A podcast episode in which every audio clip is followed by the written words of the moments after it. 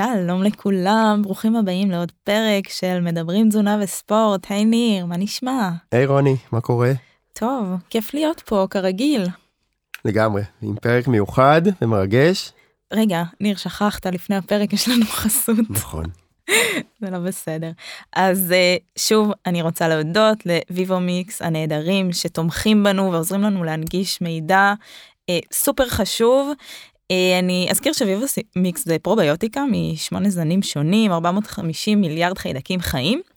אז תודה לחברת פדאגיס ותמשיכו לתמוך בנו, זה חשוב. נכון, שעוזרים לנו באמת להנגיש מידע חשוב, עדכני, מהימן, כמה שאפשר.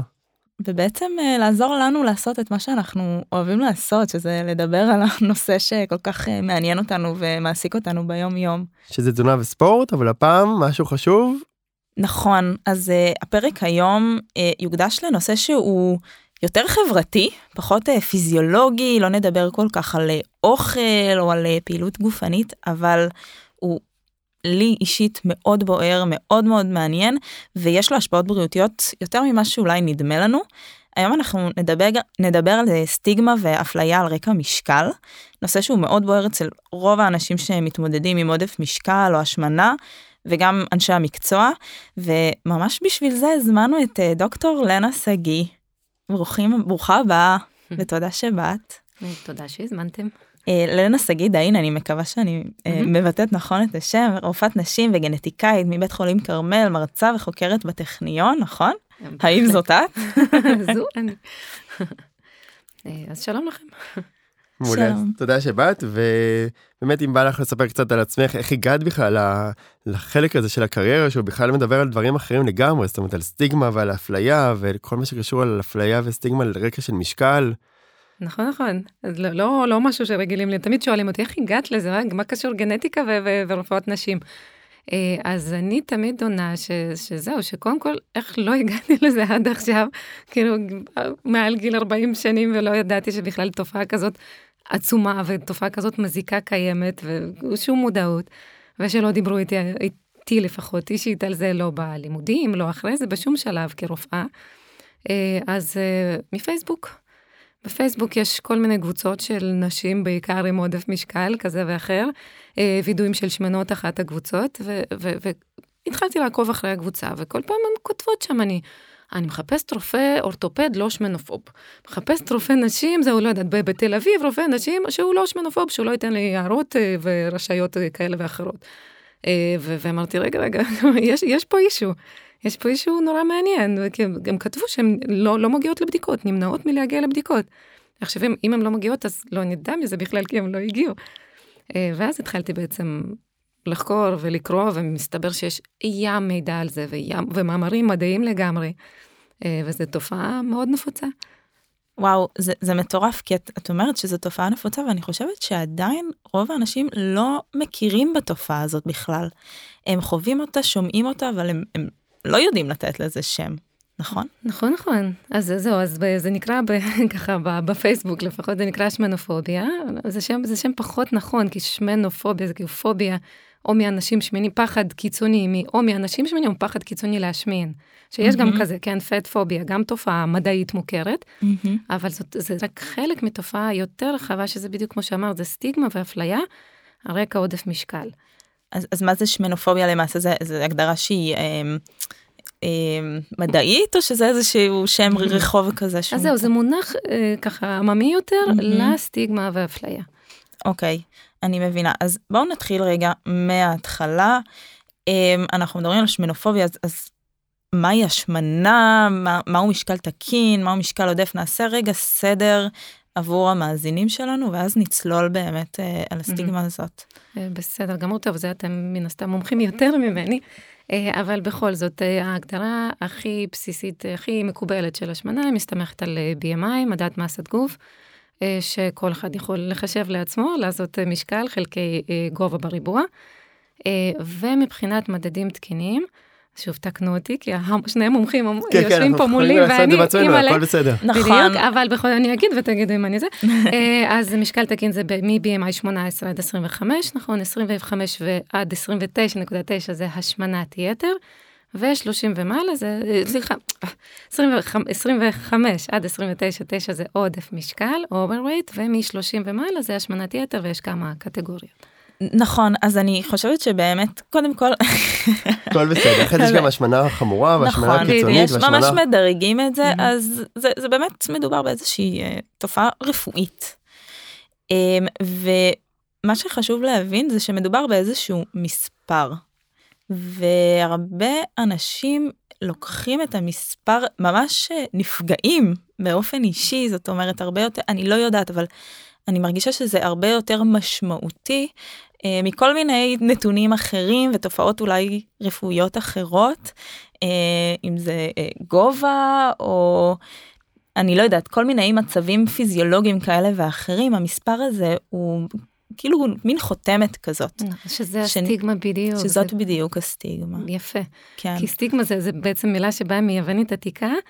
שאז הם, הם היו מסמנים רוצחים גנבים עם חותמת כן עם חותמת עם איזשהו קעקוע מאוד בולט כן ממש צריך איזשהו סימן שהיו שהיה מסמן את האדם הזה כ, כבעל ערך יותר נמוך בעיני החברה מבחינת החברה. כן וואו. אז זה ממש חותמת. ובדיוק כמו שאמרת, זה, זה, זה תמיד אומרים לי, אה, אבל יש גם סטיגמה כלפי, כלומר יחס לא מכבד ואפליה כלפי עדות מסוימות, לא יודעת, נכון. אנשים נמוכים, גבוהים, ווטאבר, אבל סטיגמה על רקע עודף משקל היא הכי שכיחה. באמת? הכי שכיחה, ומתחילה מילדות, יש מחקרים על ילדים בגיל שלוש, שכבר אז הם נגיד פחות נוטים להיות חברים של ילד עם עודף משקל, עד כדי כך פחות להזמין אותו ליום ההולדת וכאלה, כלומר זה, זה, זה מטורף. מה את אומרת? וואו. מעניין מאוד. זה מטורף, אז אולי נעשה גם הבחנה בין שינופוביה לשינופוביה רפואית? אה, יפה. אז שמנופוביה זה, זה המילה הכללית הזאת לסטיגמה ואפליה על רקע עודף משקל, ושמנופוביה רפואית זה מה שהולך ספציפית בנושא הזה במערכת הבריאות. אה, וזהו, תמיד אומרים רפואית, ואני, בסקר שאנחנו עשינו, בטח נדבר על זה, אה, אז זה היה, לא, חוץ, חוץ מהסקר יש מידע על זה, אה, זה בכל מיני אנשים, בקרב של אנשים מטפלים רבים, זה ממש לא חייב להיות רופא, זה איכשהו נתפס, שנופוביה רפואית, אבל כלומר יחס לא מכבד, ש, שתכף נדבר מאיפה זה בא, כן, זה מתבסס על כל מיני סטריאוטיפים שגדלנו עליהם מילדות. היחס הלא מכבד הזה, הוא ראינו אותו אצל כולם. כלומר, אחים, אחיות, דיאטנים, עובדות סוציאליות, פסיכיאטרים, פסיכולוגים, כאילו אנשים, שוב, שאמורים להיות הכי רגישים. אנשים שמטפלים כן, בעצמם, כן. ועדיין לא נותנים את היחס הראוי והמכבד לאדם לא חשוב מי נכנס. כן. נכון. דיברנו על זה קצת אה, לפני ההקלטה, שלמעשה מלמדים אותנו המון על גוף האדם, אבל לא ממש מלמדים אותנו על נפש האדם ועל על יחס שהוא ראוי, ואיך בכלל לגשת לאדם ולדבר איתו על הגוף שלו, וזה באמת נושא מאוד רגיש. נכון. נכון, ויחס, זה, זה, זה, זה זה בעצם כל הפואנטה שלה, אני רצה עם הרצאות על, על שמנופוביה מתחילת השנה, תכף 40 הרצאות בכל מיני מקומות בארץ. אה, וכל הפואנטה שלי זה שקצת לחשוב רגע לפני שהם מוצאים את איזשהו משפט, יאללה, יש לך עודף משקל, תתחיל לרדת במשקל, טיפה לעצור, לחשוב אם זה נכון והגיוני. למה בעצם, זאת אומרת, את יודעת להגיד מה ההשלכות של השפה, מעבר לזה שזה מעליב, ואולי מישהי יוצאת אה, עם חוויה לא כל כך נעימה מהרופא, אבל האם יש לך איזה שהם מחקרים, לאן זה מוביל אנשים? אה, אז כן, כן, יש על זה הרבה מחקרים, לא בארץ, אבל נעשו על זה מחקרים בעולם. אה, וזה זהו, גם חשוב לי להדגיש שזה לא חייב להיות גישה ממש במפורש לא מכבדת, כן? Mm-hmm. לא יודעת, לא יודעת להגיד, לא יודעת, את מטומטמת או משהו כזה, כן? אה, כי זה כבר, כאילו, זה, זה כבר בקיצוני, וזה, mm-hmm. כאילו, ברור שזה לא נכון. אבל לפעמים זה יכול להיות אפילו המשפט הכי, הכי נכון רפואית, כן? נגיד, תיכנס אליי, אני רופאת נשים, כן, אני רואה אישה במיון נשים עם כאבי בטן, ועל הדרך אני רואה שהיא עם עודף משקל או עם השמנה.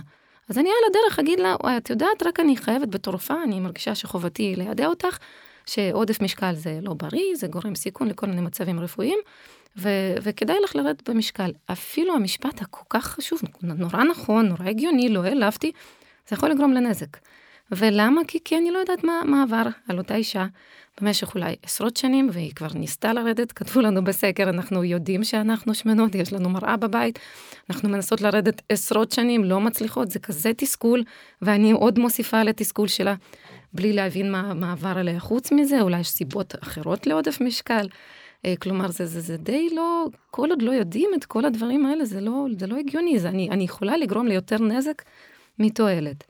אה, ושאלת אותי על הנזק. נכון. אה, אז זהו, אז עכשיו ככה נתחבר.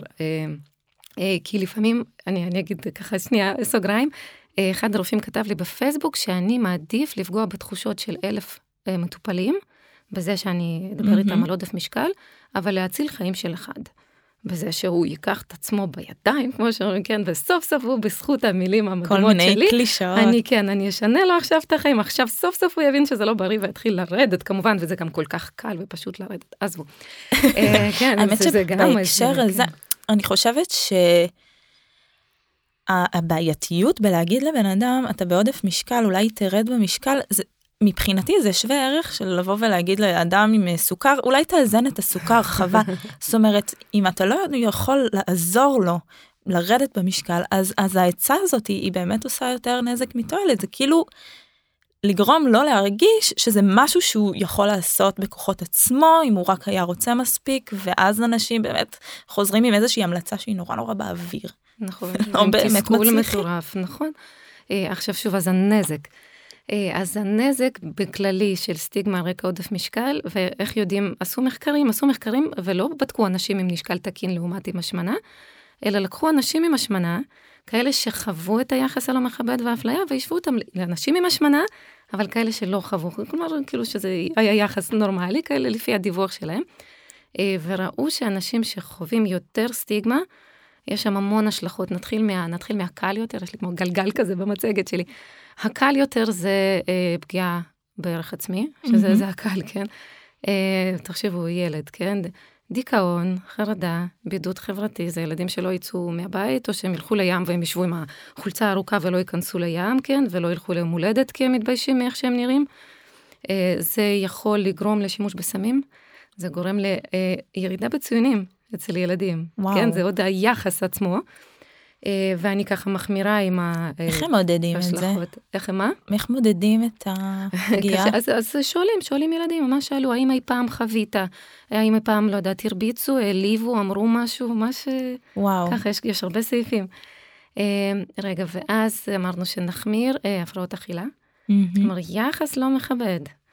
על רקע עודף משקל, לאותו ילד עם העודף משקל, יכול לגרום להפרעת אכילה, והפרעת אכילה, טוב, בטח דיברתם על זה, זה, זה, זה, זה קטסטרופה. האמת כן? שעוד לא, עוד לא יצא אה, לנו לעשות זה, זה ממש זה, פרק. זה מטורף, אבל... אני מכירה כמה, אה, נורא. זה פשוט זה בן אדם ש, שזהו, שזה החיים שלו, וכל השאר זה, זה משני, וכמובן זה פגיעה מטורפת בבריאות, אפרופו mm-hmm. לפגוע ברגשות. אה, ואחרון, שפה אני אגיד, שיחס לא מכבד, יכול לגרום לעלייה במשקל. כן? Mm-hmm. נכון, תמיד רואים את היוטיוברים האלה, אני לפעמים שולחים לי סרטונים שאומר, יאללה, שמנים, אני לטובתכם, אני אומר, תיקחו את עצמכם בידיים. זה מעלה לי את הדופק, כן. ואני, אני, אני, בא לי לדווח על הסרטון הזה, כי, כי אתה מעלה אותם במשקל. מבחינתי זה לא בריא, כרופאה, הוא עכשיו פוגע בבריאות שלהם. ויש על זה המון מחקרים גם, כי ברגע שיש, שוב, סטיגמה, חוויה ש, ש, שככה מורידה אותך, אז זה גם גורם להם ליותר ככה אה, נטייה לאכילה רגשית, mm-hmm. ואכילה לא בריאה וכפייתית וכאלה, וגם הם פחות עושים ספורט, כי הם יותר מתביישים, והם שוב פחות מאמינים בעצמם. אז מצחיק שזה כאילו הפוך על הפוך. ממש. פשוט גלגל שאתה נכנס אליו, וגם ככה אתה קצת שם, ואתה רק מישהו עוד יותר ויותר כאילו נוגע בנקודות הרגישות ומפה זה רק מידרדר ויש לי באמת יש לי אלף דוגמאות לצערי mm-hmm. בראש באמת אלפים אבל יש לי כמה דוגמאות כאילו ספציפית אולי גם שהמאזינים ככה יבינו את לאן אנחנו הולכים ועל מה אנחנו מדברים אבל ילד שהגיע עם כאבי ברכיים את יודעת שזה קורה בערך לכל ילד שיש כזה כאבי ברכיים קצת כאבי גב והרבה פעמים מגיעים עודף משקל די קל אנחנו אפילו לא מדברים. על השמנה חמורה קיצונית אלא עודף משקל של ילדים הרבה פעמים שזה נספר בקילוגרמים זה יכול להיות בין 2 3 4 קילו זאת אומרת. לפעמים זה הסיפור לפעמים גם יותר. ואז הוא הגיע והרופא אמר לו ברור שכואבות לך ברכיים כי סליחה על המילה כי אני לא משתמש בה אף פעם אני אף פעם לא אומר את המילה שמן נכון. מקסימום אני אומר בהשמנה בעודף משקל וכדומה אבל בחיים לא בקורסים לא שאני מלמד אף פעם לא ב... והוא אמר לו זה בגלל שאתה שמן אז הברכיים כואבות. ומפה התחילה הפרעת אכילה וחוסר רצון לעשות ספורט ו- והגלגל הזה שהתחיל ממילה אחת שנזרקת זה צריך להבין לאן זה מושך אותם. אותו דבר אצלי בקליניקה אחד המשפטים שכמעט נמצאים תמיד בכל תפריט שהוא במיוחד לבני נוער ו- וילדים זה שלא לא יהיה הערות על אוכל בבית. זאת אומרת הערות גם כמה אכלת למה אכלת זה יותר מדי זה פחות מדי איך אתה אוכל המשפט הראשון עוד לפני באמת עם קלוריות אני בכלל אפילו לא מדבר בדרך כלל עם בני נוער אבל המשפט הראשון יהיה כאילו לא יהיה הערות על אוכל ועל צורה ועל דימוי גוף בבית אלא אם כן זה דברים שמרימים. זאת אומרת אם זה דברים שמרימים אני חושב שגם את זה לא צריך בהגזמה אבל דברים שעושים דברים טובים כאילו אז סבבה. אבל אני חושב שכל מה שקשור להערות על אוכל זה עוד לפני להבין כמה אתה אוכל מתי אתה אוכל איך אתה אוכל. נכון אוכל ומראה כמובן. כן. כן, כן. אני חוזר שנייה אפילו להתחלה הסיפור של המספר הוא, הוא כל כך דרמטי זאת אומרת הרבה פעמים אתה מנהל שיחה בקליניקה חצי שעה 40 דקות שעה שעה וחצי. ולפעמים נתפסים על המספר של ה-BMI או של האחוזי שומן או של המשקל או של המשקל כן. ולפעמים גם עם חוסר הבנה זאת אומרת יש לי אפילו שיחות כאלה גם במשפחה וגם בכלל אבל אני 20 אחוז שומן אבל זה לא אומר עדיין כלום זאת אומרת זה יכול להיות גם לספורטאית אתלטית לצורך העניין זה מדהים 20 אחוז ולהם זה נשמע כאילו המון אבל זה יכול להיות סרינה וויליאמס עם 20 אחוז שומן. ולפעמים אתה נתפס למספר ואתה לא יודע מה המשמעות ואתה רק מוריד לעצמך או שמישהו אחר מוריד לך שעל זה השיח אבל לפעמים זה גם אנשים לעצמם כאילו כל מספר הוא לא טוב. נכון. אותי מעניין, כן. סליחה שקטעתי אותך, אה, יש פשוט רק את העניין הזה של ספציפית מערכת הבריאות. זהו, זה הגלגל השני של השלכות ונסגור פה את העניין. אה, כלומר, במערכת הבריאות יש לזה עוד השלכות חוץ מכל הגלגל הזה, כמובן שברגע שרופא אומר את זה, אז זה עוד יותר חזק. אבל במערכת הבריאות זה יכול לגרום לעוד uh, כמה דברים רעים, כמו זה מתחיל מתקשורת פחות יעילה, כן? ברגע שאני חושבת שהאדם הזה הוא פחות טוב, אז אני גם, את יודעת, זה, זה יתבטא, גם אם זה בתת מודע. Uh, וזה יכול לגרום לפספוס אבחנות. כתבו המון המון אנשים בסקר שלנו שנתפסים קודם כל המשקל, כמו זה עם הברכיים, כן? אה, בא עם, לא יודעת, שבר בציפורן, זה המשקל, נשירת שיער, זה הכל המשקל, משקל, קודם כל תרדי במשקל, אחרי זה נדבר. ויש ממש פספוס, סליחה שאני כותב פספוס בהבחנה, כן. זה נקודה מטורפת. בדיוק, אז היו המון הבחנות, היו נשים שכתבו לנו, זה בעיקר היו נשים, כתבו שפוספס סרטן, פוספס, פוספס, אי ספיקת לב פוספסה, המון מחלות הורמונליות, כלומר וואו. המון דברים ש, ש, שאולי זה בכלל הגורם לעודף משקל, זה מטורף. ודבר אחרון, שזה בכלל, זה מבחינתי היה שווה לעשות את כל הסקר, ותמיד אני מדגישה את זה, הם לא, יבוא, לא יבואו לטיפול. זה בדיוק אגיד, מה שרציתי נכון? לשאול. אז תודה. אז בדיוק זה, כי, כי, והם לא יבואו ואני לא אדע מזה, אני אגיד, או, כל הכבוד לי, איזה רופאה טובה הייתי, זה נושא כל כך לא נעים, ואני הצלחתי להוציא את זה מעצמי, והנה, הצלתי את חיי עכשיו שאמרתי את זה, והיא תצא מהחדר, ועוד 20 שנה היא לא תבוא ל, לא למשטח צוואר, צוואר הרחם, לא לממוגרפיה, לא לבדיקות מומלצות, ולא כשתכאב לה הבטן, כי היא לא רוצה לשמוע את זה שוב, כי, כי היא יצאה בכזה דיכאון, שזה עשה לה לא טוב. זה נזק אדיר. מטורף. ממש. כן, אני חושב שגם צריך להבין שאין את הקסם הזה לאיך באמת, במרכאות אפילו אני אומר קצת לעזור לאנשים לרדת במשכן, אין את הקסם, ויותר מזה זה הרבה פעמים עניין של עניין של תזמון. זאת אומרת זה גם מה אמרת, כמובן, איך אמרת כמובן, וגם בעיקר בתזמון שאמרת, mm-hmm. כי אם אמרת משהו שהוא גם נכון, אבל הוא לא יפגע בתזמון הנכון, אז זה גם לא יעבוד. זאת אומרת, כשאתה יושב במיוחד, אני ישבתי הרי עשר שנים בקופת חולים, ושם זה קצת, סליחה על המילה, וזה סרט נע. וכאילו אנשים באים על הדרך וכשהם באים בקליניקה להבדיל גם בקופת חולים יש המון הצלחות והכל בסדר אבל mm-hmm. זה עניין של תזמון זאת אומרת אם מישהו שלח אותך הרופא אמר משהו הרופא העליב או הרופא או לא. זה לא תמיד עובד כי התזמון הוא לא תמיד נכון אז זה כל כך נושא השמנה הוא כל כך מורכב ועוד מעט נדבר על נושא שהוא גם חשוב לי ש, של אבל אתה רזה או אבל את רזה או אבל את רופאה שרזה ונדבר על זה כי תחזיקו שנייה המאזינים ונגיע לשם כי זה נראה לי בוער במי שמקשיב עכשיו הוא אומר אוקיי אבל תקשיבו אתם רזים אתם לא מבינים. אז עוד מעט ניגע גם בזה. טוב אני אני לפני הפרק עשיתי לך קצת stalking חפרתי בפייסבוק וקרא קודם כל תעקבו אחרי אה, לנה דוקטור דוקטור לנה שגיא דאין יש לה פוסטים אה, מרתקים בכל מיני נושאים וראיתי שאת מבצעת ממש מחקר בתחום הזה תוכלי לספר לנו? כן אני אשמח מאוד. אז קודם כל זה, זה אנחנו, זה אני ונעמה פסקה דייוויס, אקטיביסטית על רקע באדי פוזיטיב, שהיא מנהלת את הקבוצה של, של, של וידויים של שמנות, והיא נורא נורא מקדמת את הנושא, היא מדהימה. אה, אז שוב, בזמנו כשנחשפתי לכל הנושא אמרתי, וואו, צריך להתחיל להעביר הרצאות בארץ, נושא מטורף, נושא חשוב. אה, ואז ראיתי שאין אף מחקר, היה מחקר אחד מ-2013 על דיאטניות, סקר של דיאטניות, אה, ולא מזמן כבר אחרי הסקר שלנו יצא עוד מחקר, אבל חוץ מזה לא היה, לא היה כלום. אז אני אגיד, טוב, אז אני אתחיל להעביר את ההרצאה ויגידו לה, אבל אולי בישראל זה נורא נדיר, הסטיגמה, אז בשביל מה בכלל, בשביל מה כל המאמץ? נו, באמת. אז אמרנו, בסדר, רופאים מדברים מספרים ומאמרים, כן. ואם זה לא פורסם זה לא מידע. לא רגשות ו... זה לא... הקיצר, אז אמרנו, נעשה סקר. סקר פשוט בפייסבוק וזהו אם מישהו מהרופאים מקשיב לי ואומר פייסבוק זה לא אה, משהו מדעי אז לגמרי פרסמנו מזה מאמרים אה, שהתפרסמו בעיתונים מדעיים. אה, אז עשינו סקר וכתבנו כל מי ב-MI 25 ומעלה, כתבנו, אנחנו נשמח מאוד להעריך את החוויות שלכם במערכת הבריאות. האם אי פעם חוויתם יחס לא מכבד, או הערות מעליבות, כאילו כאלה, ממש כמה סעיפים, האם אי פעם נמנעתם להגיע לבדיקה. זה סעיפים שרצינו ככה להעריך. אה, ואז תוך, וואו, אולי שבועיים, ענו לנו 1,700. וואו, רק... נכון. אני רואה את התגובות ועולה לי החום. לעבור על זה. נכון, לא, וזה כאילו, שוב, זה, זה, זה מראה טיפה כמה בים. זה, כמה זה, לא, וכמה זה בוער, כאילו, כמה אנשים רצו ורצו לענות לנו, הרוב היו נשים בכל זאת, כי גם מי שקורא אותנו זה נשים, וגם mm-hmm. בכל זאת יש, מחקר, יש הרבה מחקרים על זה שאצל נשים בכלל כל העניין הזה של מראה, אה, ושל עודף משקל זה הרבה יותר... אה, משמעותי וקריטי, גם אצל גברים, אבל אצל נשים יותר. אז אחת השאלות היא באמת אם נשים סובלות מזה יותר מגברים. אז, אז כן, אז, אז כן. כן, בהחלט כן, שוב זה לא לפי, לפי המאמר שלנו, כי היו מספרים קטנים יחסית של גברים, אבל כן, כן, יש מחקרים על זה לגמרי בחו"ל, שוב, אז גברים גם יש כבוד, אה, אבל נשים הרבה יותר. אה, והמספרים היו, מספרים היו, אנחנו לא פחות טובים משאר המדינות. תני לנו ככה כמה דברים שאת זוכרת, שככה הדהדו. כן, כן, כן, 58 אחוז. חווים באופן תכוף, כן, לא כזה פעם באלף שנה מישהו אי פעם זרק לי, באופן תכוף חווים יחס לא מכבד, אה, וכשזה השמנת יתר סוג שלו, כאילו BMI 40 ומעלה, אז mm-hmm. 70 אחוז.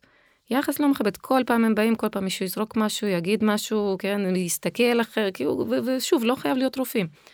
אה, גם הערות מעליבות שאלנו באופן ספציפי, וגם כתבו מעל 50 אה, אחוז. אה, כמה נמנעים להגיע לטיפול רפואי אה, באופן תכוף, 40 אחוז, 40 וואו. אחוז. זה מספרים זה מסוכן. מטורפים, בדיוק. בדיוק. אז תמיד כשהרופאים מגיבים לי להרצאות ואומרים, אה, אז מה את רוצה, שלא נדבר על זה, אבל זה חובתי. אז אני תמיד, תמיד מגיבה שחובתכם זה קודם כל לא להזיק. ואז אם אתה בטוח שאתה לא מזיק לאותה מטופלת, אותו מטופל, וזה שאתה עכשיו מדבר איתה על משקל, אז דבר, אם אתה בטוח. אני לא יודעת איך אפשר להיות בטוח. ואי אפשר לכמת את זה, כן, לעולם לא בוצע מחקר. שמודד את הנזק לעומת התועלת שבמשפט הזה, בואי תרדי במשקל. אין, אי אפשר למדוד את זה. אני, אני יכולה להבין כאילו את המקום הזה של אה, רופא, לפחות רופא משפחה שהוא רוצ, כאילו מסתכל בצורה הוליסטית. נכון. אבל מצד שני, אפשר היום לצאת מנקודת הנחה שהרוב המכריע של האנשים מודעים לכך שזה לא בריא. Mm-hmm. זאת אומרת, באמת אולי יש אה, אחוזים בודדים שלא מודעים, אבל הרוב שתיפול על אחד כזה שלא יודע, כמו שאמרת, יש לאנשים מראה, הם מרגישים מאוד רע עם זה, אז זה באמת נזק אל מול תועלת, נראה לי מאוד נכון, uh, זה קטן. נורא, שוב, זה קשה, אני לא יודעת, אני לא יודעת, אי אפשר למדוד את זה, כן? את זה. הייתה, הייתה גם אישה, אני אגיד לכם אחרת. אה, הייתה אישה שכתבה לנו שאלה, לא, אני חושבת שהפלות חוזרות, והיא כתבה שאם מישהו אומר לי, שמשקל יתר יכול לגרום להפלות חוזרות, הייתי, הייתי עושה מעשה, הייתי, כלומר, כן יש פה, יש פה דיון. והיא עשתה, את יודעת? אני לא יודעת. Mm. שאלה טובה, אם היא הצליחה. זה מעניין, אה, כן. אבל יש, יש פה, זה לא חד משמעי, זה לא כזה לא להגיד. אה, ורופא כן. מקצועי אני חושב כאילו אני חושבת שכדאי להיות ענייני בן אדם בא בגלל שבר ברגל או ביד אז בואו נדבר רגע על השבר. נכון. אה, לדבר על מה שעל סיבת ההפניה אלא אם כן זה משהו שקשור באמת גם לעודף משקל. וגם צריך להגיד שלא כל אה, לא כל עודף משקל ולא כל השמנה היא בהכרח לא בריאה או בהכרח כל אדם שהוא שוב סליחה על המילה אבל ספציפית בשביל לשמוע כל בן אדם שהוא שמן. הוא באמת לא בריא, הוא באמת כל הצרות שלו הגיעו משם, או בהכרח הוא ימות קודם, או בהכרח תהיה לו סוכרת. יש אנשים רזים עם סוכרת, יש אנשים רזים מעשנים, לא בריאים, לא פעילים, שאוכלים ג'אנק. נכון שיש יותר השלכות אם אתה גם מעשן וגם בעודף משקל וגם לא פעיל וגם אוכל לא בריא, אבל גם לא כל אחד שנכנס לחדר והוא נראה איך שהוא נראה, אתה יכול לנבא מה יקרה איתו. נכון, זה גורם סיכון, כמו, בדיוק כמו, כמו, כמו עישון, כמו חוסר שינה, כמו חשיפה לשמש, תודה, חשיפה לשמש, או כשיושבים מול המחשב אה, אלפי שעות, כמו שאני עושה באמצע לסתם. אה, אז שוב, זה, זה גורם סיכון, זה לא אומר שכל מי שיש לו עודף משקל או השמנה, הוא בהכרח יהיה לו התקף לב בגיל 50. אה, ואנחנו מגיעים, נכון, לעניין של השמנה זה מחלה, כן, פה אתם, הנושא הגדול. אוקיי, okay, כן, נכון, אז נכון? באמת יש ויכוח נורא נורא גדול ובעיניי נורא מעניין. אה, אז האמת שכבר זהו, כאילו די רוב הגופים המקצועיים נסגרו ש, שכן. הכריזו, זאת אומרת כן, גם בארץ. הכריזו שכן, בדיוק. נכון. נסגרו על ה statement הזה, על המשפט הזה. עכשיו, יש, יש מסמך מרתק משנת 2008, אני חושבת, של האיגוד האירופאי, אחרי שהאמריקאים יצאו בהכרזה הזאת, הם מדיינים 19 עמודים של דיון, האם השמנה זה מחלה או לא, וזה באמת, זה כל כך מרתק, הוא אצלי, הוא כולו ממורקר כזה צהוב ירוק, אז לאנשים שלא יקראו, לא, אני, אני בטח אקרא היום עוד, אבל... בטח, אני אשלח לך, אשלח לך בוואטסאפ. לאנשים שלא יקראו, תספרי לנו ככה מה המסקנה. אה, המסקנה, זה לא, חכי, זה ארוך. אה, לא, אני, אני אקצר כמובן. אז ככה, אז הם מתחילים, קודם כל, הם אומרים, האם השמנה זה מחלה? ואז הם מביאים הגדרות של מחלה, כאילו בואו בוא נבין קודם כל מה זה מחלה. ואז הם בסופו של דבר הם מסבירים שאין הגדרה טובה למחלה בכלל, מה זה מחלה. יש המון ויכוח על זה. אז קודם כל, השמנה, מחלה זה לא, הם אומרים, האם אפשר להחשיב את ההשמנה כמחלה? כלומר, אומרים, מחלה זה, ברור שזה לא, זה גורם סיכון. Mm-hmm. האם אפשר להחשיב את זה כמחלה? ואז שוב אומרים, מחלה אין מספיק הגדרה, לא קשור. אבל אז הם אומרים, בואו נסתכל על זה מה, מהבחינה התועלתנית, כלומר, מה, האם יש לזה תועלת להגדיר השמנה כמחלה? ואז הם מדברים על מה התועלת ומה אולי הנזק האפשרי. אה, והם מדברים על תועלת מאוד יפה. הם אומרים שברגע שהשמנה תיחשב כמחלה, אז יחפשו יותר טיפולים, כן, ויעשו יותר מחקרים בנושא, ואולי זה יוריד את הסטיגמה, את החוסר כבוד הזה מאנשים, שכבר לא, יפסיקו אנשים לחשוב שזה הכל בידיים שלו ורק הוא יכול לשלוט בזה בצורה קלה. פה יבינו, זה מחלה, זה לא בשליטתם, ובואו ככה נעזור להם. מצד שני, הם מדברים על זה שזה אולי כן יכול להחמיר את הסטיגמה, כן? כי, כי עכשיו, כאילו, ברגע שמישהו עם עודף משקל רק מעז להגיד שרגע, רגע, אבל הנה, אני בריא, והכל בסדר, ואני גם, שוב, לא משנה, ניסיתי לרדת, לא ניסיתי, או שניסיתי ולא הצלחתי, אבל אני בריא, אני הכל טוב איתי. לא, השמנה זה מחלה, כאילו, וכל פעם שאני עוברת עם, בואו נתחיל קצת יותר כבוד, קצת יחס יותר נכון, אבל השמנה זה מחלה. כאילו, אני, לפעמים זה כמו איזה רובוט כזה שעונה לי כל פעם, ואני מנסה לשכנע, אבל השמנה זה מחלה. אוקיי, אז שוב, אז כל הרעיון של זה היה לעזור לאנשים, לא לנגוד את כל הנימוקים נגד הסטיגמה. נכון, נכון. נכון, זה נורא מורכב, זה, זה נורא מעניין. זה נורא מעניין, וזה באמת נורא מורכב. אמ, אני חושבת שבאמת ה... קצת להסיר את האחריות הזאת, אבל גם על זה יש מתנגדים, נכון? כאילו, אנשים שיבואו ויגידו, מה זאת אומרת? אל תסירי את האחריות מהבן אדם, ש... שהוא יהיה אחראי על החיים. אה, ש... או, פה מגיעים לסטריאוטיפים, שזה זה, זה בעצם, זה התשתית של כל העניין של אה, סטיגמה על רקע עודף משקל, כאן מאיפה זה בא. רגע, אתם רוצים לשאול משהו אחר? נכון, יש לי מלא דברים לא לשאול. כי זה נושא מדהים. את ממהרת? לא, אני פה, אני פה, אני... מאזינים תחכו. זה, זה מרתק, אני חושב שיש פה עניין של אה, באמת הסיפור של השמנה והטיפול ואיך מטפלים. וגם חושבים שאם תהיה, אם זה השמנה, אם זה מחלה, אז יהיה טיפול ואז יהיה קסם. אני חושב שגם הגדירו גם דיכאון וגם כאבי גב וגם הרבה דברים כאיזשהו חולי או קושי והמציאו הרבה תרופות והם עדיין לא, עדיין יש תרופות לדיכאון ועדיין יש דיכאון בעולם ויש תרופות נגד כאבים ועדיין יש כאבים בעולם. זאת אומרת, גם אם יגדירו את זה כמחלה באמת, אני חושב שאנחנו עדיין קצת רחוקים לצערי. Mm-hmm. ממה נכון לעשות ולאן צריך להביא את כולם, האם באמת ל-BMI 18 וחצי, ל-22, ל-23, וזה מביא אותי לעוד נקודה שגם לא כל ההשמנה היא שווה. זאת אומרת יש אנשים שהתגייסו סתם אני זורק 60 קילו לא חשוב אפילו גברים נשים ועלו בצבא 7 8 10 קילו או לא יודע התגרשו ועלו 5 קילו או סתם היו בטיול ועלו 3 קילו. לא כל עלייה במשקל הופכת את זה ממש למחלה והשמנה צריך להבין את הנקודה הזאת זאת אומרת יש כאלה שהם נכון. גם ברמה גנטית וסביבתית הם תמיד היו רזים ופתאום עלו ועלו אז השאלה אם זה גנים שהיו מוחבאים שם או שהם באמת לא בקטגוריה כי זה גם קצת שונה באמת שונה אנשים שהם בהכללה אני אומר 100 120 קילו צפונה mm-hmm. זה השמנה אחת זה, זה ניהול אחר זה התנהלות אחרת. ואנשים שעלו כמה קילוגרמים אחרי החתונה אני לא חושב שכולם מוגדרים עכשיו כחולים בהשמנה. בהחלט נכון. אני מעריכה שאת שומעת כל המשפטים כמו אה, השמנה היא דבר שפוגע בבריאות צריך למגר זה מחלה אי אפשר להצדיק אותה, אנשים צריכים לקחת אחריות. הבנתי קצת מה העמדה שלך, אבל איך באמת את עונה לטיעונים כאלה? אז טוב, האמת שזה קצת חוזר לאותו סיפור, כן? אז אני כן. אומרת, שוב, בקטע של, זהו, הרבה פעמים אומרים שמי ש... נגיד השיחות שלי, כן, ההרצאות שלי זה מעודד, מעודד השמנה. כן, מעודד זהו, השמנה, כן, נכון, כל מי, ש, כל מי שנלחם אה, כדי למגר שמנופוביה, אז הוא מעודד השמנה, ואני תמיד אומרת, כאילו, איפה, אה, איפה העניין הזה של, בקטע של לדבר בצורה מכבדת, מתי זה הפך ל, לעודד השמנה, כאילו, מה, מה הקשר בכלל, בסדר? כאילו, זה, ש, זה שזה גורם סיכון לבעיות, אז עדיין צריך לתת לאנשים האלה לחיות ולהתקיים, ו, ושוב, ובכבוד כמו לכל שאר האנשים. כי זה, חוץ מזה, חוץ מהעניין הזה שזה שווים לגמרי לכל השאר, אנחנו גם גורמים להם נזק. אז זה נורא חשוב. את יוצאת לגשר עם שלטים אה, השמנה, השמנה, מעודדת. כן. אה, כן. משהו בשיח, בשיח המכבד שצריך להיות כאילו האמת היא שזה, נכון, זה מאוד נכון, כאילו, לכבד אדם זה לא אומר שאת אה, מעודדת או לא מעודדת, וזה גם בעיקר אני חושבת שכאילו זה לא עניין של אף אחד אחר חוץ מאותו אדם, והוא יבחר איך להתייחס והאם להתייחס. נכון.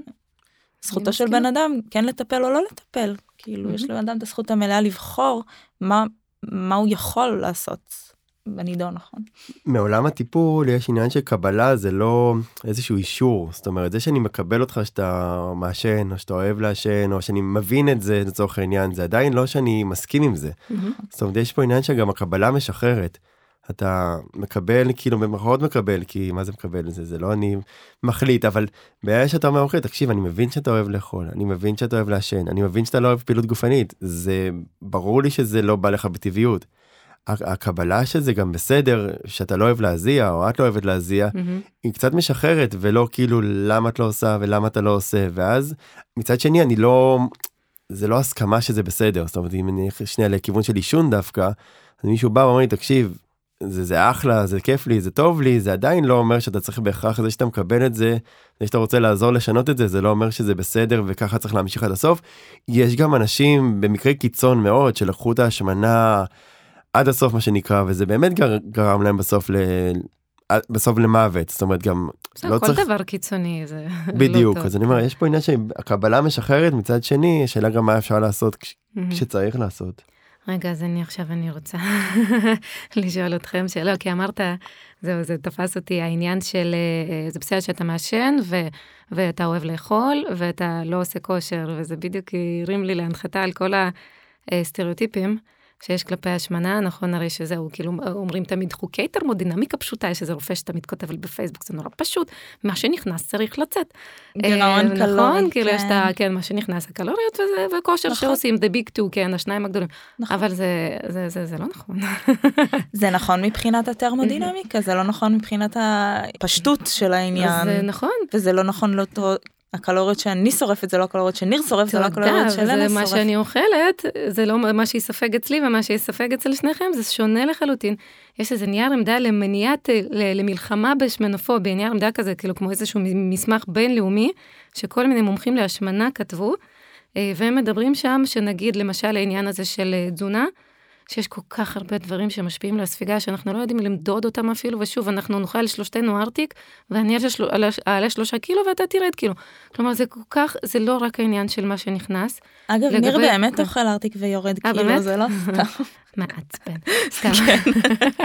זה אפרופו מה שאמרתי עכשיו, זה נקרא... איבדנו כמה מאזינים בדרך. זה נקרא דיבור שמן, אתם מכירים את הקטע הזה? של אה, כל הדיבורים האלה שאמרתי עכשיו מעצבן, נכון? וזה אומר כמה אני מקנאה בך על זה שאתה יורד. ושוב, ומה שמשתמע מפה, שכמה זה רע לעלות במשקל, זה, זה שיח נורא נורא חשוב, שגם אפרופו צריך בארוחות ערב וכאלה מול ילדים, חייבים לשים לב לזה. נכון, אחד המשפטים שהם אה, נחקקו בי ברמת הקורסים של טיפול שעשיתי, שהאויב הכי גדול של הטיפול זה השוואה לאחר. יפה.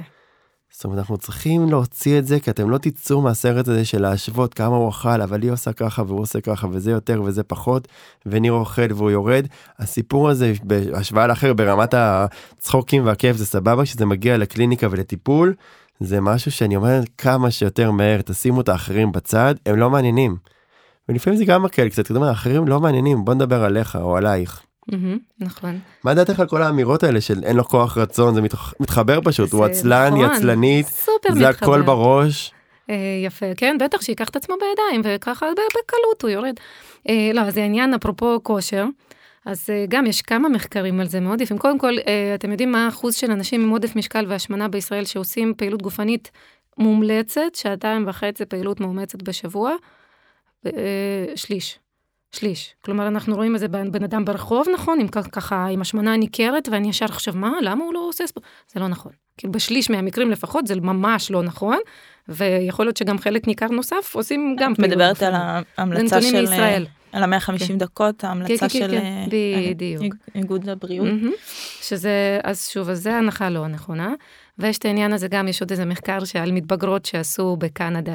שהם יראו שמתבגרות עם עודף משקל, עם השמנה ועם משקל תקין, עושות בדיוק אותה פעילות גופנית. אז כלומר, יש לנו המון הנחות וסטריאוטיפים שאנחנו גדלנו עליהם, וזה, אני לא רוצה להגיד לא נכון לעולם, אבל זה ממש לאו דווקא נכון, וחוץ מזה יש, יש עוד מיליון דברים שמשפיעים, נכון? גנטיקה ואפיגנטיקה ומה שאימא שלנו אכלה כשהיינו אצלה ברחם. זה, זה, זה נושא כל כך מורכב, וזה בדיוק מתחבר, ל... אסור להשוות את עצמך לאחרים, כי כל אחד מאיתנו כל כך מורכב וכל כך שונה, שונה, שונה, וזה לא, זה תרמודינמיקה מאוד מאוד לא פשוטה. נכון, אני ראיתי הרצאה של איזשהו גנטיקאי mm-hmm. שהוא מראה עד כמה קשה לנו באמת להבין את המאזן הקלורי הזה מהרגע, הוא ממש מסביר, אני לא אלאה אתכם כי זה באמת נורא חופר, ואולי מעניין רק אותי, הוא ממש מסביר איך מודדים כמה קלוריות יש באוכל. מעניין. כן, אז אני אשלח לך לינק. ועד כמה שהסיפור הזה לא, זאת אומרת, זה לא מאוד לא מדויק, בסוף יש שיטות די טובות להעריך את זה, אבל עד כמה אפשר לטעות בדרך. וזה רק באוכל. ואז העיכול, איך הוא יכול להיות שונה בין אנשים שונים, mm-hmm. ואז יש את ההוצאה הקלורית. אז כל הסיפור הזה שנקרא מאזן קלורי, הוא, הוא פשוט להבנה ולהסבר, אבל הוא לא באמת פשוט למדידה. אז אה, בעיניי, זאת אומרת, עכשיו להתחיל לספור כל דבר שאנחנו אוכלים זה עבודה מאוד מאוד סיזיפית והיא כמעט לבטח לא תהיה מדויקת. זהו, והיא לאו דווקא תעזור אני מבינה נכון? תלוי למי, תלוי למי, יש אנשים שזה יעזור, יש אנשים שלא באמת יודעים מה טמון באוכל שלהם ודווקא הלימוד הזה הוא חשוב, מה זה פחמימה, מה זה שומן, למה לא נכון. צריך לפחד מפחמימה, למה יש סוגים של שומנים שהם עדיפים על אחרים, זאת אומרת יש הרבה דברים שאפשר לעשות ולאנשים זה עוזר, אבל זה לא, זה לא הדיון כרגע, זאת אומרת, אנחנו נכון. באמת מדברים על, ה, אה, על הקלוריות כקלוריות ועל, ועל כך שיש שונות גם בין אה, אנשים.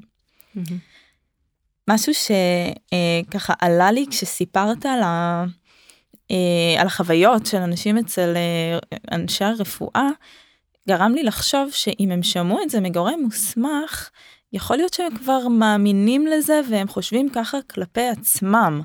ומעניין אותי האם שמנופוביה קלפ... קיימת גם כלפי אדם כלפי עצמו. אז יפה, שאלה מהממת, כי לגמרי לגמרי כן, אה, שזה נקרא אינטרנליזיישן, uh, הפנמה. הפנמה של הסטיגמה הזאת, של היחס הלא מכבד, אבל נגיד אם, אם זה אדם רזה אז זה יהיה כלפי מישהו אחר, ואדם עם עודף משקל זה יהיה כלפי עצמו.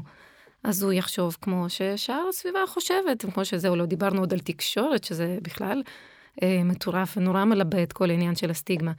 אה, אז אותה ילדה, אותה מתבגרת, היא תחשוב, אני, אני זאת שאשמה בעודף המשקל, אני עצלנית, אני מטומטמת, אני אה, זוללת בלי, בלי שליטה. וזה לא נכון, ומראים שבערך ב-50 אחוז יש מצב שיותר מאנשים עם עודף משקל, הם מאמינים בזה לגמרי, ונורא מעניין גם שאלה שחושבים ככה על עצמם, אה, זה מקשה להם לרדת במשקל. כלומר, זה, וזה מחמיר הפרעות אכילה, וממש גם פחות מוטיבציה, זה, זה ממש פוגם בכל ה... כאילו, עוד יותר מחמיר את כל התהליכים. כזה, כן. שאין לו סוף. זה, זה, זה עושה המון היגיון, כי אני שומעת את זה המון מאנשים, שהם בעצמם באים עם האין לי כוח, ואני מבקשת להוציא את המשפטים האלה מהקליניקה, אבל הקושי שלי זה לשכנע אותם mm-hmm. שזה לא קשור לכוח הרצון, ושאם רגע נשים את האמירה הזאת בצד, אולי באמת נוכל להתקדם. כן. כי הם גדלו על זה. גדלו על זה כמו כל השאר, כן, על כל האמונות והמחשבות והסטריאוטיפים. יש פה איזושהי נבואה שמגשימה את עצמה, זאת אומרת, אנשים כאילו נכון. חושבים ככה, ובאמת צריך, אנחנו מדברים על זה הרבה, שצריך מישהו שיאמין בך, וצריך מישהו שיתמוך בך, ולפעמים מספיק אחד כזה שבכל זאת הוא מחזיק אותך בשביל ללכת לכיוון הנכון אבל גם אנשים יכולים באמת כאילו ל... להיכנס בעצמם מה שנקרא ולהוריד את עצמם וזה באמת פוגע ו- ו- וקשה לטפל בזה כי הם כל פעם באים עם ההתנגדות שהם בעצמם כבר פחות מאמינים שדברים יכולים להשתנות. ולפעמים גם הפער מאוד גדול אומרים לי תשמע אני צריך לרדת 30 קילו 40 קילו 50 קילו לפעמים שהם כאילו גם מקטינים את כל ההישג גם כשיש הישגים וכשהם כן מצליחים אז הכל מאוד כאילו לא מספיק ולא טוב וכמה אחרים כמו שאמרנו קודם ירדו mm-hmm. וזה עובד וזה עובד טוב וזה עובד נפלא אפילו ויותר טוב מכולם וזה עדיין כל פעם כאילו לא מספיק טוב והמשפטים האלה פשוט הם נבואות שמגשימות את עצמם. אבל גם בוא נהיה אופטימיים זאת אומרת יש גם הרבה אנשים שבגישה טובה ומטפלים עם גישות טוב, טובות כאילו ו, ושמצליחים ושוב שגם מה ההגדרה של הצלחה זה גם דיון שעולה פה הרבה. נכון. לא, לא מנסים לקחת את כל האנשים שבהשמנה ועודף משקל או משהו כזה ואת כולם לשים זה, זה לא המטרה זאת אומרת גם המטרה היא לפעמים יותר אה, יותר ריאלית ו, ולהרים לעצמך, לעצמך או לעצמך וגם בטיפול בהפרעות אכילה ובכלל בשינוי יש פה עניין של מסוגלות. בסוף uh, הפיתויים והשפע הם, uh, הם קיימים יש אנשים שיותר רגישים לזה יש אנשים שפחות mm-hmm. רגישים לזה אין ספק שאחד יראה אבטיח או שוקולד או קורוסון ויתנהל מול זה אחרת ויש אנשים זה לא כוח רצון לא קורא לזה כוח רצון אלא רגישות. ההסתכלות רגישות mm-hmm, נכון. היא שונה ויש פה בסוף עניין של מסוגלות שנבנית לאט לאט ומול הפיתוי שהוא mm-hmm. קיים הוא יהיה קיים אז אתה יכול להגיד לי זה אותי זה יותר מגרה אותי זה פחות מגרה אבל אין ספק שהמסוגלות היא לדעתי המפתח להצלחה. כאילו נכון שתמיד יושבת שם גנטיקה ואפי נכון. גנטיקה והכל אבל ככל שהמסוגלות שלכם עולה אה, מול הפיתוי אה, שיהיה קיים וההתנהלות וקצת אכילה לילית או ללכת גם לישון קודם שדיברנו עם. אה, עם, אה, עם יפית יש הרבה דברים שאפשר כאילו לשנות את זה וזה בין המסוגלות לבין ההתנהלות. Mm-hmm. הייתי רוצה לתת קצת uh, טיפים פרקטיים לאנשים שמאזינים לנו, um, אולי קצת על השפה, איך אפשר mm-hmm. להפוך את זה למשהו שהוא לא פוגע. יפה. רגע, אז עוד, עוד אפילו לפני זה, בצד הראשון בכלל, כאילו, הדבר, דבר ראשון, נגיד, אני שוב לאותם אה, רופאים, גורמים מטפלים כאלה ואחרים, אה, יש כאילו חמישה A's, מה שנקרא, כן? כמו בהפסקת עישון וכאלה, אז יש כן. חמישה A's של אובזיטי, של השמנת יתר. Mm-hmm. הראשון זה ask. לשאול את האדם, זה בדיוק מה שאמרת על התזמון, אה, כי אולי זה לא מתאים לה דווקא עכשיו, אולי היא מבואסת, אולי היא שמחה, לא רוצה לדבר על זה עכשיו, בדיוק כשהיא נכנסה אליי כרופאת נשים שאני אבדוק לה כאבי בטן, לא מתאים לה. אולי בדיוק יצאה מעוד חמישה רופאים שאמרו לה אותו דבר, אני לא יודעת. אז לשאול אותה, או אותו, בצורה מכבדת, האם זה מתאים לך שוב, אלא אם כן הוא בא אליי אה, בגלל עודף משקל כמובן, אה, אבל אליי שוב פחות באים בגלל זה. אז לשאול האם זה מתאים לך שנדבר גם על עניין המשקל, בסדר? שוב, לא להגיד, אפשר להגיד, אני רוצה להתייחס לעוד כמה היבטים, אני רואה את עצמי כגורם שמטפל בכמה דברים בבריאות, כן? לא רק בעניין של כאבי בטן, האם תסכימי? האם זה בסדר? דרך אגב, ואני די מאמינה שאם שואלים את זה ככה, חלק הרבה יותר גדול יגידו כן, בסדר, כי באתי בכבוד, כי נתתי להם את האופציה להגיד לא, ואם יגידו לא, גם בסדר גמור, שוב, זה שלהם, לא רוצה לדבר על זה, לא צריך, למה, למה להתנפל? כי שוב, בהתנפלות יכול להיות שאני אזיק לו יותר. אז, אז מזה תמיד תמיד אני מתחילה. אה, ואז העניין של בחירת מילים, שזה גם זה, זה קריטי, ואנחנו שוב, איך לא לימדו אותנו לעולם את הרופאים לפחות, אותי, אותי, בסדר? אולי עכשיו כבר מלמדים את כולם. גם אותנו, צריך לשים, דיברנו על זה באמת לפני הפרק, נכון. גם תזונאים ודיאטנים ודיאטניות. אין שיעור ואין קורס ב, יש באינטייק באנמנזה איך לוקחים כאילו מה לשאול אבל לא איך לשאול נכון יש הבדל גדול בין מה לשאול לאיך לשאול. וזה נקודה מעניינת נכון זה הבדל קריטי. אה, אז אז זהו אז מילים אז יש גם על זה נעשו מחקרים יש אפילו אחד מהארץ. אה, שנגיד זה כמו שאמרת כל מה שעם שורש של שמן אה, כאילו גם השמנה פחות אוהבים יותר כזה דברים אובייקטיביים כמו משקל BMI כן מדד מסת גוף משקל גבוה, משקל לא בריא, גם מתאים, דברים, דברים ככה אובייקטיביים לגמרי, אבל כל השמן, הגלגל, גדול מימדים, כל מיני המצאות כאלה, כן, של מראה במיוחד. אה, אז זה לא סתם מילים לא טובות, זה מילים שמטופלים רואים אותם, חווים אותם, חווים אותם אה, כסטיגמה, כיותר stigmatizing. אה, ואז שוב, ואז עוד כל אותן ההשלכות שדיברנו, כל אותו הגלגל של הפרעות אכילה והימנעות מטיפול וכאלה. כלומר, אנחנו יכולים להזיק במילים האלה, ממש לעשות נזק בריאותי. לא סתם רגשי. אה, אז שוב, אז פשוט להיות יותר אובייקטיביים. הייתה איזו אישה שיצאה מאולטרסאונד אצל רופא נשים, אה, והיא צילמה את הסקירה, ושמה את זה, שמה בפייסבוק, אמרה, תראו מה כתוב. אז זה לא היה מאוד אה, נורא, והוא כתב שם, הוא כתב אה, אה, קושי טכני בבדיקה, כן, הייתה עם עודף משקל, אז יותר קשה לראות, קושי טכני, בסדר. Mm-hmm. כתב BMI גבוה, בסדר גמור, אבל אז התחיל הדמיה בלתי אפשרית, דופן בטן ענקית, עכשיו מה אתה, אתה סופר או שאתה רופא, כאילו תכתוב אובייקטיבי, למה, כאילו זה, זה פשוט מיותר לגמרי. ויצא והתבאסה מזה, ושוב התבאסה אצל חלק מהאנשים, זה יכול לקחת אותם לכיוונים מאוד מאוד לא טובים בריאותית. Mm-hmm. ולאנשים שהם לא רופאים, זאת אומרת, אפילו ביום יום, את, אה, זה משהו שבדקת האם לסופה היומיומית שלנו יש אה, השפעות? אז זהו, טוב, אני פחות, עשינו מחקר על מערכת mm. הבריאות, אה, אבל זהו, אנשים סתם, כשאני מרצה לא, לא בקרב רופאים, אז אני גם הרבה מדברת על לשים לב מה, מה רואים בטלוויזיה. אה, שזה גם, יש, יש מחקרים מדהימים, מדהימים, שאני רק אחרי שנחשפתי אליהם, זה, זה ממש, לא יודעת, זה שינה לי את העולם, זה כמו במטריקס, פתאום אתה מתחיל לראות את כל העולם אחרת. אה, ש... טוב, זה, זה לא מפתיע, כן, שבטלוויזיה מראים, מבחינת אנשים שמנים, מבחינת אחוז אנשים עם השמנה שמראים בטלוויזיה, זה אחוזים מאוד נמוכים. זה שלושה אחוז נשים ושבעה אחוז גברים, משהו כזה, כשבישראל כרגע זה 25 אחוז, משהו כזה, נכון? השמנה. Mm-hmm. אה, וכשמראים אותם, אז זה גם, זה מחקרים נורא יפים. אם כבר מראים מישהו, אם כבר עשו טובה ויראו מישהו עם עודף משקל, הוא תמיד יהיה, לא תמיד, אבל הרבה יותר סיכוי שהוא יהיה, קודם כל נאמבר 2, שהוא יהיה מישהו רשע, שהוא mm-hmm. יהיה מישהו לא חכם, אה, או שיהיה, שיהיה אוכל כל הזמן, וגם בקרב ילדים יש מחקר על 4,000 דמויות, כל הדיסני וכאלה. אה, זה מתחיל להשתפר אמנם, אבל עדיין זה, זה מטורף פשוט. נגיד, תמיד כשמראים מישהו שמנמן, הוא גם פי, בפי 50 אחוז יותר מקלל, ויותר אלים כזה, בכלל לא ידעתי, כן? אני חושבת על מולן. מכיר את הלוחם הגדול? נו, בבקשה.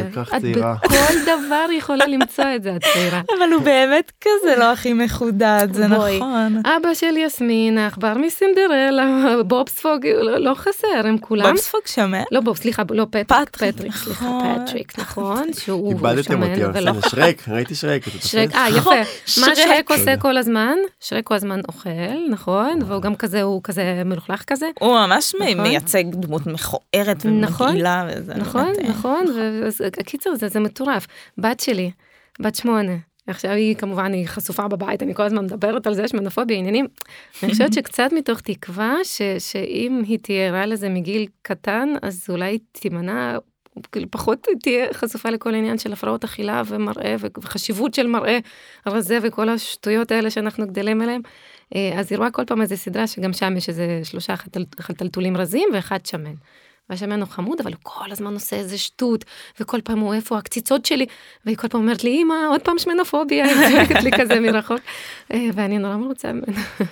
כן, טלוויזיה מאוד סיגמטית, אני אומר את זה לא בזהירות, גם על הנינג'ה, אה, אני הרבה פעמים מדבר, וואו. זאת אומרת, זה הרוב גברים, הם מתחרים גם בנשים בתחרות שהיא פחות אה, פיירית, אני לא נכנס לזה כרגע, אבל הם רובם יהיו בלי חולצה, אה, בפריים טיים אין לזה שום משמעות ושום חשיבות שהם יתחרו בנינג'ה בלי חולצה.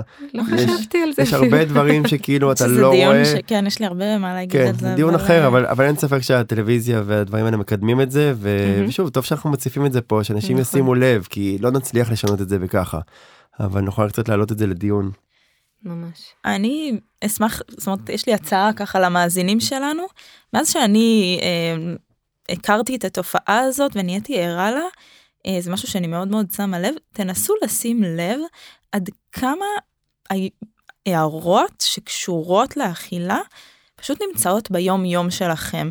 מלמה אה, את צריכה את זה, או הרגע אכלת, או וואי כמה טחנתי היום, או כמה אני בולס, או כל מיני דברים שהם פשוט חלק בלתי נפרד מהשפה שלנו כלפי עצמנו, שלנו כלפי הסובבים אותנו. אני לא יודעת אם את יודעת, אבל דיאטנים הם אה, לפעמים גם מטפלים זוגיים, ולפעמים גם מדריכי הורים, וסתם, אני צוחקת, אבל הרבה פעמים הקושי מגיע מהסביבה הקרובה של מצד אחד הערות, מצד אחד לחץ אה, כן לאכול, ואם את לא אוכלת אז את לא כיפית ולא ספונטנית ואי אפשר ליהנות איתך, ואם את כן אוכלת אז כמה את אוכלת ולמה את אוכלת ולמה עכשיו. מסכנים הילדים האלה.